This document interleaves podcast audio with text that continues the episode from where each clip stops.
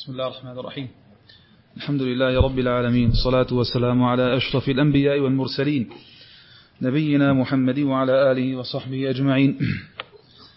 وبأسانيدكم أحسن الله إليكم. إلى الإمام أبي عيسى محمد بن عيسى بن سورة الترمذي رحمه الله تعالى قال باب ما جاء في الهجرة قال حدثنا أحمد بن عبدة الضبي قال حدثنا زياد بن عبد الله قال حدثنا منصور بن المعتمر عن مجاهد عن طاووس عن ابن عباس رضي الله عنهما قال قال رسول الله صلى الله عليه وسلم يوم فتح مكة لا هجرة بعد الفتح ولكن جهاد ونية وإذا استنفرتم فانفروا وفي الباب عن أبي سعيد وعبد الله بن عمرو وعبد الله بن حبشي.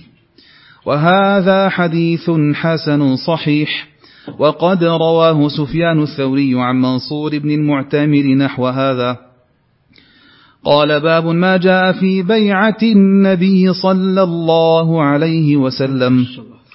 قال حدثنا سعيد بن يحيى بن سعيد الأموي قال حدثنا عيسى بن يونس عن الأوزاعي عن يحيى بن أبي كثير عن أبي سلامة عن جابر بن عبد الله رضي الله عنه في قوله تعالى لقد رضي الله عن المؤمنين إذ يبايعونك تحت الشجرة. قال جابر بايعنا رسول الله صلى الله عليه وسلم على ألا نفر ولم نبايعه على الموت. وفي الباب عن سلامة بن الأكوع وابن عمر وعبادة وجرير بن, وجرير بن عبد الله. وقد روي هذا الحديث عن عيسى بن يونس عن الأوزاعي عن يحيى بن أبي كثير قال قال جابر بن عبد الله ولم يذكر فيه أبو سلمة. قال حدثنا قتيبة قال حدثنا حاتم بن إسماعيل عن يزيد بن أبي عبيد. قال قلت لسلمة بن الأكوع على أي شيء بايعتم رسول الله صلى الله عليه وسلم يوم الحديبية؟ قال على الموت. قال هذا حديث حسن صحيح. قال حدثنا علي بن حجر قال أخبرنا إسماعيل بن جعفر عن عبد الله بن دينار عن ابن عمر رضي الله عنهما قال كنا نبايع رسول الله صلى الله عليه وسلم على السمع والطاعة فيقول لنا فيما استطعتم؟ قال هذا حديث حسن صحيح. قال حدثنا أحمد بن منيع قال حدثنا سفيان بن عيينة عن أبي الزبير عن جابر بن عبد الله رضي الله عنه قال لم نبايع رسول الله صلى الله عليه وسلم على الموت إنما بايعناه على على ألا نفر. قال هذا حديث حسن صحيح ومعنى كلا الحديثين صحيح قد بايعه قوم من أصحابه على الموت وإنما قالوا لا نزال بين يديك ما لم نقتل وبايعه آخرون فقالوا لا نفر. قال باب في بسم الله الرحمن الرحيم. وبه نستعين نحمده سبحانه وتعالى ونثني عليه الخير كله. نشكره ولا نكفره بل نؤمن به ونتوكل عليه ونصلي ونسلم على نبينا محمد وعلى آله وأصحابه والتابعين لهم بإحسان إلى يوم الدين.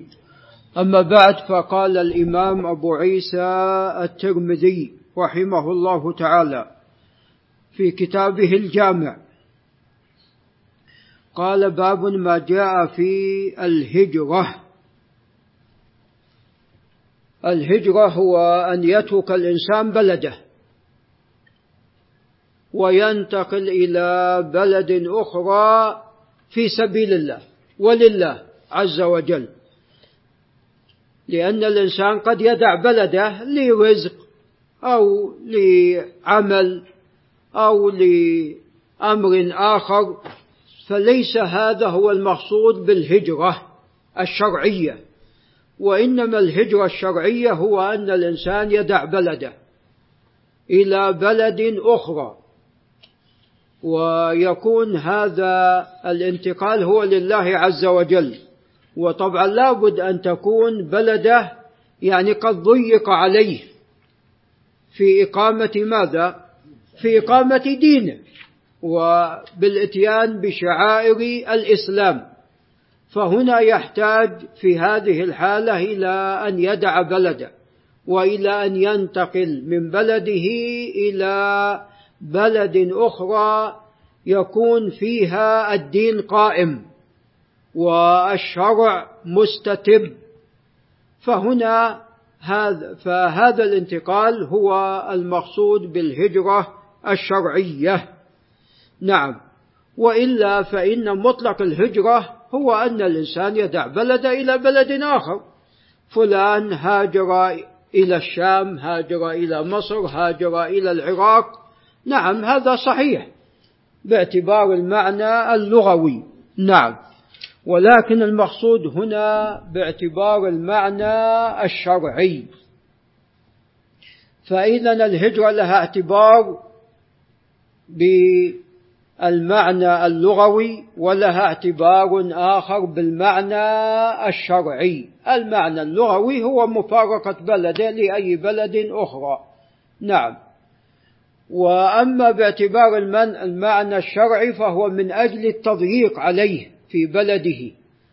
فانتقل إلى بلد أخرى حتى يقيم دينه ويقيم شعائر الإسلام. نعم. وهذه الهجرة الشرعية هي على قسمين.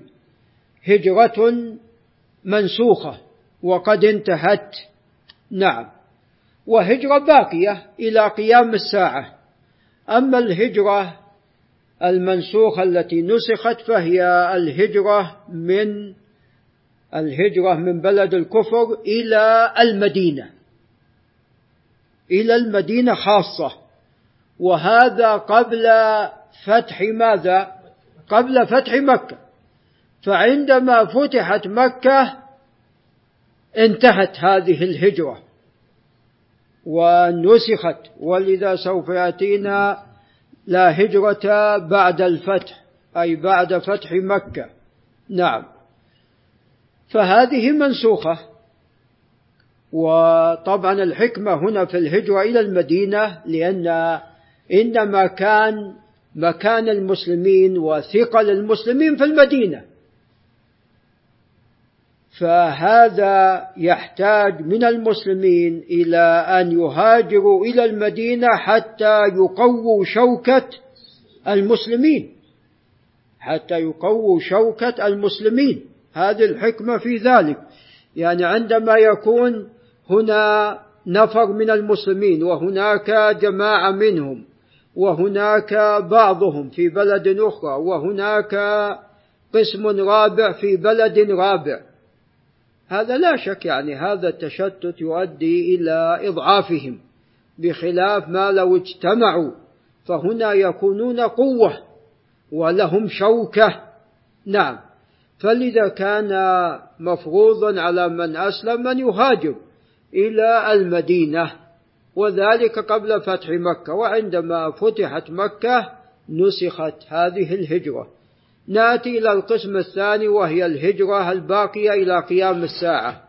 وهي ما تقدم الإشارة اليه الهجرة من بلد الكفر أو البلد التي يؤذى فيها الإنسان في دينه إلى بلد أخرى يقيم فيها شعائر دينه. وهذه باقية إلى قيام الساعة.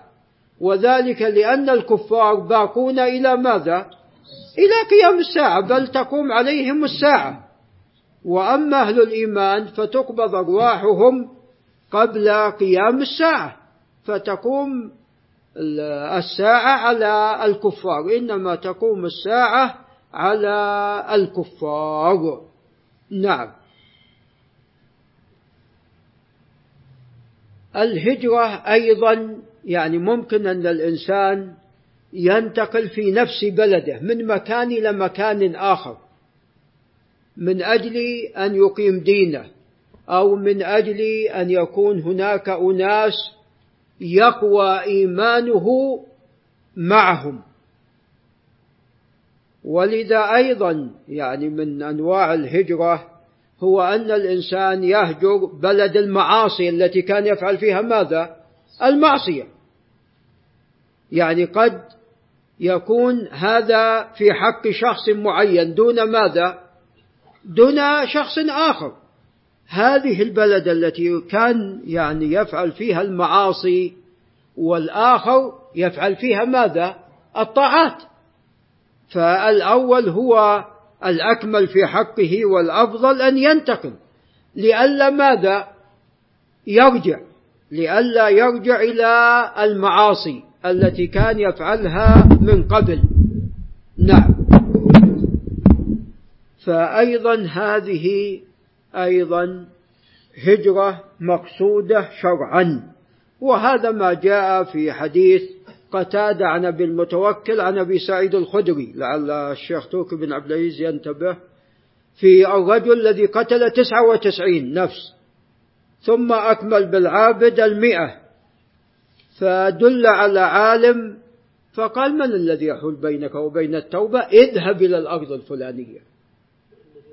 فإن فيها أناس يعبدون الله. وأظن جاء في رواية فإن أرضك أو بلدك بلد سوء. فدعاه إلى الانتقال. ولذا يعني نعوذ بالله الزاني غير المحصن. يجلد مئة ويغرب نعم عام يغرب عن بلده عن بلده التي وقع فيها بالمعصية أو التي أوقع فيها المعصية ووقعت منه ووقع منه الذنب. فهنا يغرب سنة كاملة. لأن هذا سبب من أسباب استصلاح هذا الشخص. هو نوع من العقوبة ومن جانب آخر سبب لاستصلاحه. فيبتعد عن مكان الذنب المكان التي المكان الذي أوقع فيه الذنب وفعل فيه المعصية. ولذا تجد أن مثلا شارب الدخان أو شارب الخمر نعوذ بالله من الأمرين إذا كان لا يغير جلسائه ولا مكانه قد ماذا؟ قد يستمر قد نعم ينزع لمدة شهر أو شهرين ثم يعود. ويتوب لمدة يعني أيام ثم قد يعود. نعوذ بالله من ذلك. فيطلب منه أن يغير جلساء ويغير أيضا المكان الذي كان يجتمع فيه مع هؤلاء أو يتعاطى فيه هذه الأشياء المحرمة نعم. وقد يكون أيضا هذا الانتقال من حي إلى آخر. قد يكون هذا الانتقال من حي إلى آخر. في نفس المدينة خاصة المدن الكبيرة. مثلا هذه المدينة أو عفوا هذا الحي فيه أناس معروفين بالمعصية والشر والفساد. وفي حي آخر بحمد الله الخير ماذا؟ نعم أكثر. والخير ظاهر أكبر. فأيضا يعني هنا لو انتقل إلى الحي الآخر بقصد القربة إلى الله عز وجل والتقوي على الطاعة مع هؤلاء الناس فإن هذه نوع من الهجرة ويثاب على هذه النية ويؤجر على هذا المقصد. نعم.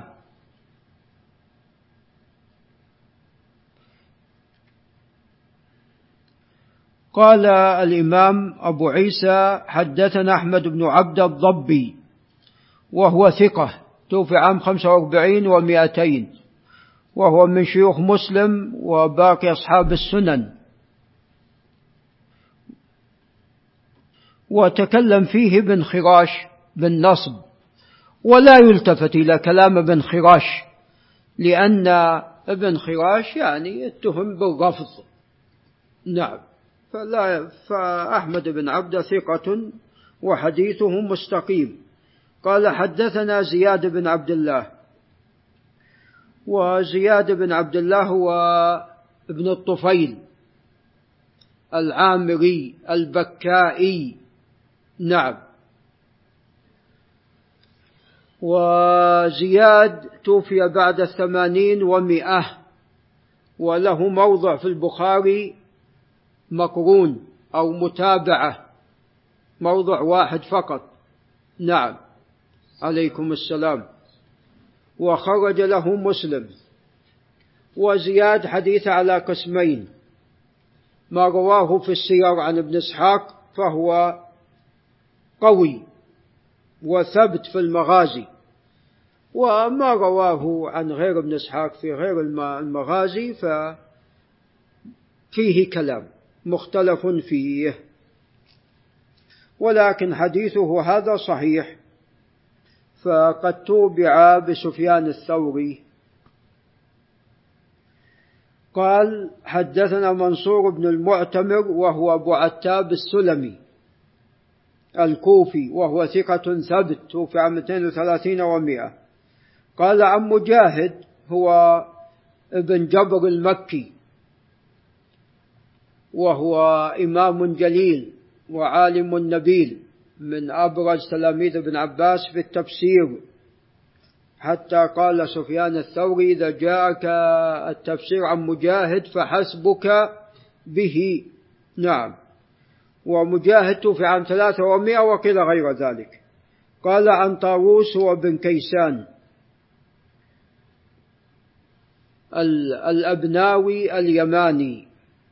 نسبة إلى أبناء الفرس الذين كانوا باليمن.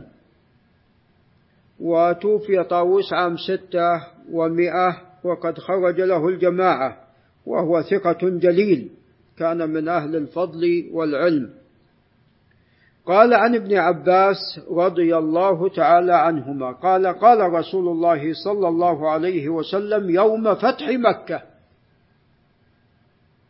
مكة قد فتحت في السنة الثامنة في رمضان. فخطب الناس عليه الصلاة والسلام في اليوم الذي فتحت فيه مكة.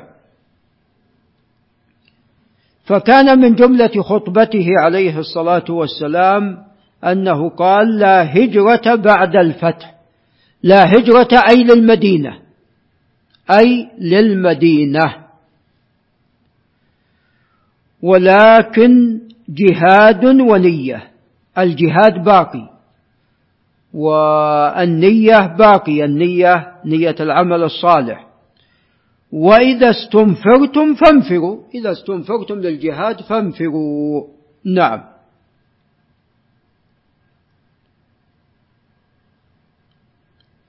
فإذا لا هجرة بعد الفتح أي بعد فتح مكة إلى المدينة. نعم. وليس على الإطلاق كما تقدم. قال ولكن جهاد ونية وإذا استنفرتم فانفروا. نعم. قال وفي الباب عن أبي سعيد وعبد الله بن عمرو وعبد الله بن حبشي. نعم. رضي الله عنهم قال أبو عيسى وهذا حديث حسن صحيح. طبعا المصنف تصحيح لهذا الحديث إما هو لذاته وهذا هو الأصل. ولكن قد يعكر على هذا الأصل أنه قد تكلم على زياد بن عبد الله فقال في الوليمة في أبواب الوليمة قال كثير الغرائب والمناكير. كثير الغرائب والمناكير. نعم. فهذا التصحيح والله أعلم لرواية سفيان الثوري فيكون هذا الحديث مما حفظه زياد بن عبد الله فبالتالي هو صحيح. قال وقد رواه سفيان الثوري وهو سفيان بن سعيد بن مسروق الثوري الإمام توفي عن 61 و100 قال عن منصور بن المعتمر نحو هذا وهذا الحديث صحيح وقد خرجه الشيخان وأما إسناد المصنف أي من طريق زياد بن عبد الله ففيه بعض الكلام من أجل زياد. وطبعا لا أعرف أن نسخ الترمذي اختلفت في تصحيح بعيسى له إلا كان عند أبو ناصر شيء آخر. أي فأنا ما أعرف أنها اختلفت. نعم. طبعا هنا مسألة مهمة وهي أن عندنا من الأسماء الشرعية المهاجرون ومن الأسماء الشرعية أيضا الأنصار. نعم.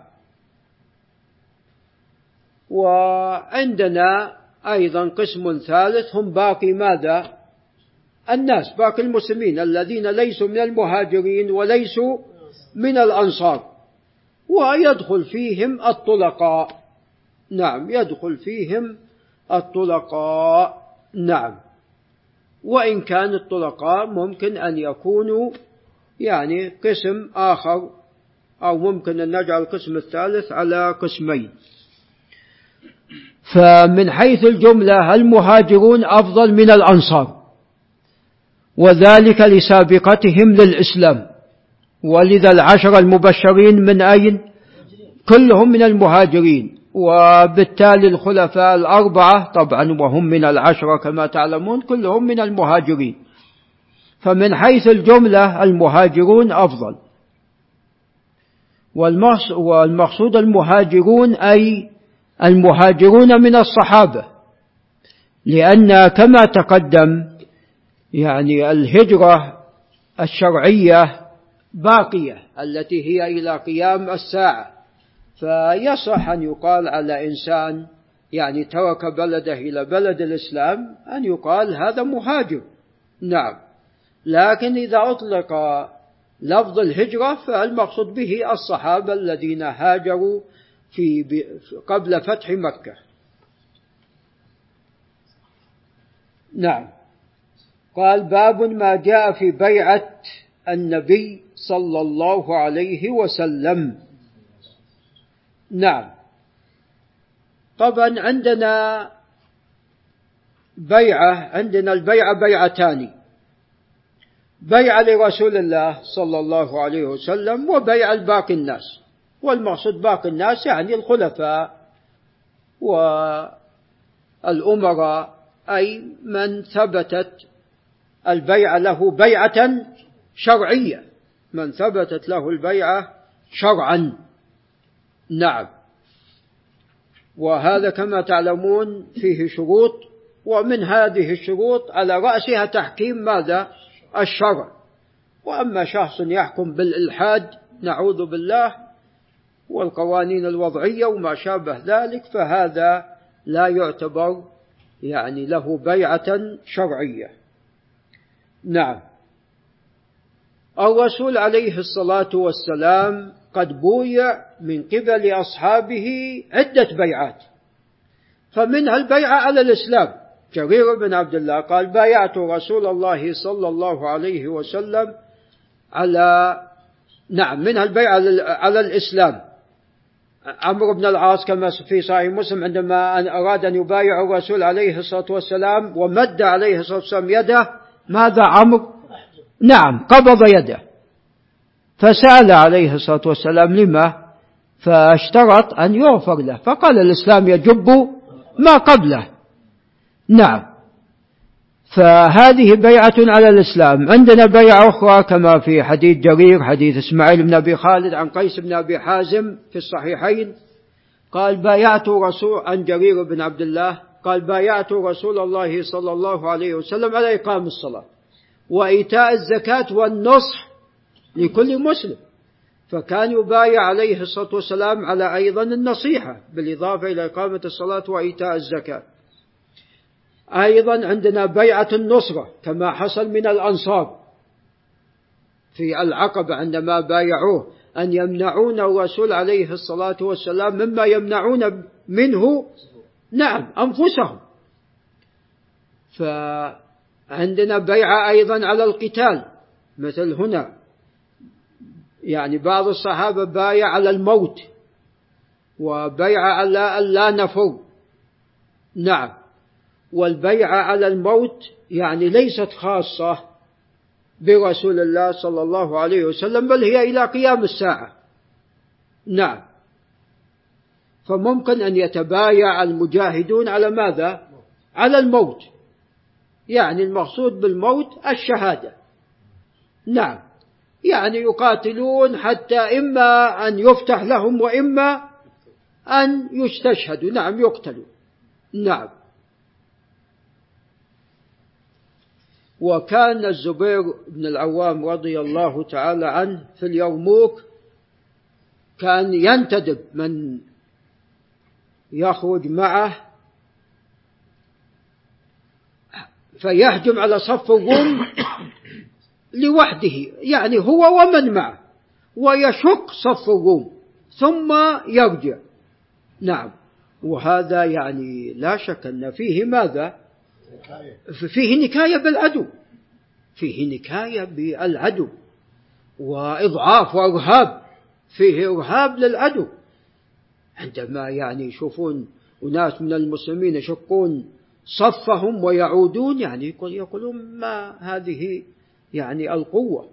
وكان الزبير يعني الله عز وجل أعطاه من قوة البأس الشيء الكثير. نعم يعني حتى يقولون ابن, ابن جرموز التميمي عندما قتله قتل الزبير رضي الله تعالى عنه في الجمل يقولون وجده ماذا؟ نائم. يقولون وجده نائم لأنه يصعب أن ابن جرموز يقتل, عبد يقتل الزبير بن العوام. يقولون وجده نائم رضي الله عنه فقتله. نعم. فالمواقف التي جاءت عن الزبير منذ صغره يعني تدل على قوة يعني بأس وقوة قلب. وهكذا أيضا آل الزبير ومنهم عبد الله بن الزبير كان طبعا يخرج جيش الحجاج من المسجد الحرام لوحده وبيده سيفان ويقاتل بهما. عليكم السلام. وكان ثبت في أظن مصنف عبد الرزاق كان يصوم لمدة أسبوع. ثم إذا أفطر أفطر على السمن حتى يسمعون صوت ماذا؟ نعم قرق نعم. نعم من اللي يستطيع على هذا إلا أن يشاء الله. نعم. فيعني حتى طبعا يعني البربر يوم قاتلهم المسلمون كانوا أصحاب بأس البربر يعني قد يكونوا مسلمان لبعض المعرفة يقولون هم من أشبه الناس في العرب بالعرب. وطبعا العرب لا قيمة لهم لولا الإسلام. نعم. ولا كانوا يعبدون الأصنام والأوثان وفي جاهلية جهلا. نعم. فيكون البربر فيهم شبه منهم وفي قول عند النسابين قول قوي أنهم أن البربر من حمير من حمير. وحتى أن تقي الدين الهلالي رحمه الله استدل على أنهم خرجوا من الجزيرة بلغتهم. قال لغتهم يعني تفيد أنهم أنها فرع من ماذا؟ من العربية. أنها فرع من العربية.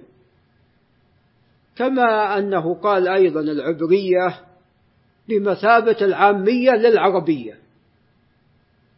فهذه اللغات إما أصلها العربية وإما أصلها كل هاللغات ماذا؟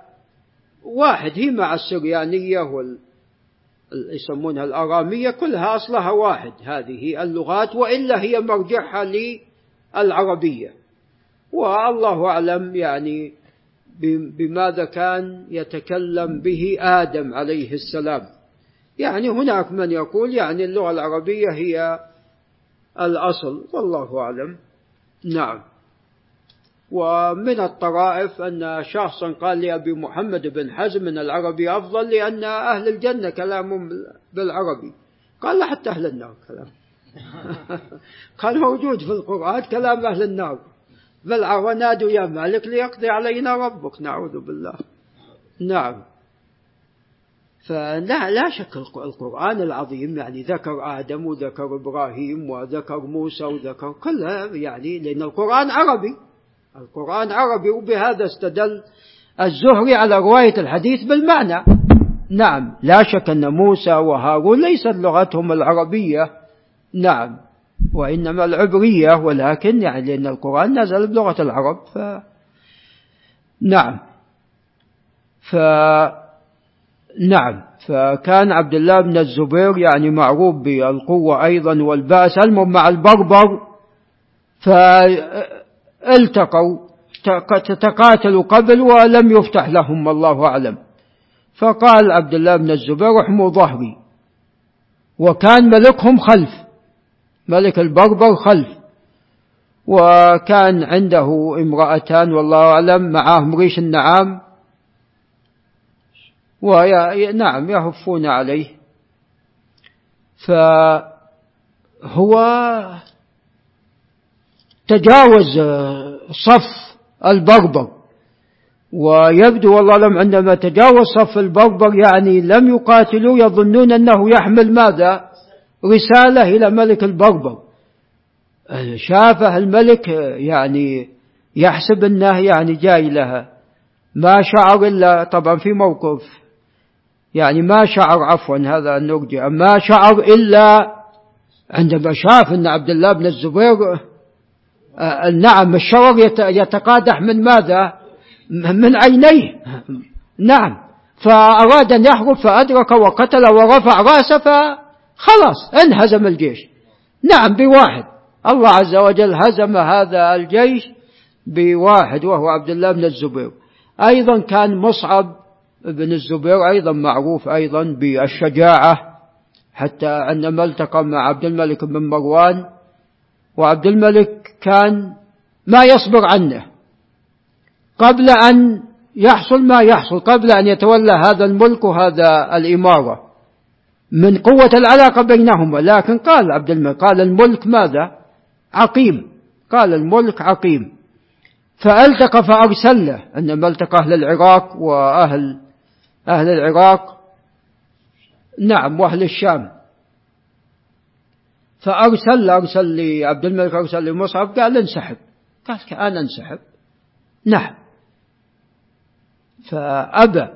ابن عيسى أيضا أبى. فقال لابن عيسى تقدم أمامي حتى أحتسبك فراحوا اثنينهم طبعا يعني أهل العراق وإن كانوا معروفين بقوة الشكيمة والبأس ولكن يخذلون. معروفين أنهم يخذلون فخذلوا مصعب كما خذلوا قبل قبله من؟ الحسين. نعم. ولكن يعني في حربهم للفرس ما عرفوا بالتخاذل بل ضربوا الفرس ضربة يعني قوية. نعم. ولذا قال الإمام من تيمية هم أسرع الناس إلى فتنة وأعجزهم عن عنها. نعم. فنعم البيعات يعني هذا جرنا إلى نعم البيعات كثيرة ومتعددة. نعم. قال حدثنا سعيد بن يحيى بن سعيد وهو بن أبان بن سعيد بن العاصي القرشي الأموي وهو ثقة. توفي بعد الأربعين ومائتين تسعة وأربعين ومائتين نعم تسعة وأربعين ومائتين قال حدثنا عيسى بن يونس وهو ابن أبي إسحاق السبيعي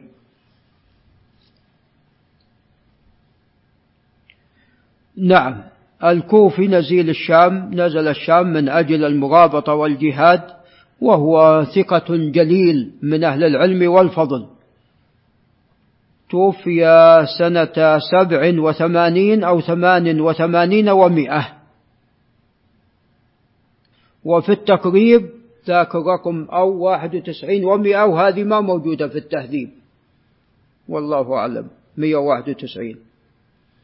قال عن الأوزاعي وهذا في أثناء مرابطته في الشام سمع منه. والله أعلم. الأوزاعي عبد الرحمن بن عمرو. أبو عمرو الأوزاعي. وهو إمام جليل وتوفي عام سبعة وخمسين ومائة قال عن يحيى بن أبي كثير هو الطائي اليمامي وأصله من البصرة. اليمامي نسبة إلى اليمامة لأنه قام باليمامة. وتوفي سنة ثنتين وثلاثين ومئة وقيل غير ذلك. قال عن أبي سلمة ابن عبد الرحمن بن عوف. نعم. القرش الزهري وهو إمام فقيه وتوفي 94 قال عن جابر بن عبد الله بن عمرو بن حرام الأنصاري رضي الله تعالى عنهما في قوله تعالى لقد رضي الله عن المؤمنين إذ يبايعونك تحت الشجرة. قال جابر بايعنا رسول الله صلى الله عليه وسلم على أن لا نفر ولم نبايعه على الموت. نعم. وهذا الحديث حديث صحيح وإن كان وقع في هذا الإسناد اختلاف. قال وفي الباب عن سلمة بن الأكوع وابن عمر حديث سلمة سوف يأتي وعبادة وجرير بن عبد الله. قال وقد روي هذا الحديث عن عيسى بن يونس عن الأوزاعي عن يحيى بن أبي كثير قال قال جابر. ولم يذكر فيه أبو سلمة. ولكن الحديث صحيح كما سوف يأتينا. قال حدثنا قتيبة وهو بن سعيد بن جميل بن طريف أبو رجا الثقفي وهو ثقة ثبت في عام أربعين ومائتين. قال حدثنا حاتم بن إسماعيل وتوفي عام ستة وثمانين ومائة أو سبع وثمانين ومائة. وحاتم بن إسماعيل حديث على ثلاثة أقسام. ما حدث به من كتابة فهذا صحيح. وما حدث به عن غير أبي جع... عن غير جعفر الصادق. فهذا الأصل فيه القبول والاستقامة. والصحة. ثم الثالث ما حدث به عن جعفر الصادق. فقد تكلم علي بن المديني في روايته عن جعفر الصادق. والأصل فيها أيضا الاستقامة. حديث جابر الطويل عن جعفر الصادق عن أبيه عن جابر من ساق من طريق حاتم بن إسماعيل مسلم. فهو حاتم بن إسماعيل المدني نزيل الكوفة. نعم. قال عن يزيد بن أبي عبيد وهو الأسلمي. مولى سلمة بن الأكوع وهو ثقة توفي بعد بعد الأربعين ومئة. قال قلت لسلمة بن الأكوع وكان سلمة طبعا من الفرسان ومن العدائين من الشجعان ومن العدائين. وقاتل ونعم وفد غطفان الذين استاقوا نعم. ذود رسول الله عليه الصلاة والسلام لحق بهم حتى استرجع منهم ما أخذوه. قال قلت لسلمة بن الأكوع على أي شيء بايعتم رسول الله صلى الله عليه وسلم يوم الحديبية؟ لأن قيل أن عثمان قتل رضي الله عنه وكان قد أرسل عليه الصلاة والسلام. قال على الموت. جابر يقول على أن لا نفر ولم نبايعه على الموت والمعنى واحد تقريبا. قال أبو عيسى هذا حديث حسن صحيح. وأن أذهب إلى ما ذهب إليه أبو عيسى والحديث قد خرجه الشيخان. قال حدثنا علي بن حجر وهو بن ياس السعدي المروزي نزيل بغداد وهو ثقة جليل. وقد عمر توفي عام 44 ومئتين. قال أخبرنا إسماعيل بن جعفر بن أبي كثير الأنصاري الزرق المدني وهو ثقة. خرج له الجماعة. قال عن عبد الله بن دينار مولى عبد الله بن عمر وهو ثقة. توفي عام 24 ومئة وهو من المكثرين عن عبد الله بن عمر. قال عن ابن عمر رضي الله عنه قال كنا نبايع رسول الله صلى الله عليه وسلم على السمع والطاعة. فهذه أيضا أخرى على السمع للرسول عليه السمع لله ولرسوله وطاعة الله ورسوله. والسمع هنا نسمع ما نؤمر به أي نفعل. فيقول لنا فيما استطعتم لأن الأوامر على حسب ماذا؟ الاستطاعة بخلاف النواهي وما نهيتكم عن شيء. نعم فاجتنبوه. نعم. قال هذا حديث حسن صحيح وأنا أذهب إلى ما ذهب إليه أبو عيسى وقد خرجه الشيخان. قال حدثنا أحمد بن منيع وهو البغوي الحافظ توفي عام 44 و200 قال حدثنا سفيان بن عيينة نبي عمران الهلالي وهو إمام. توفي عام 98 و100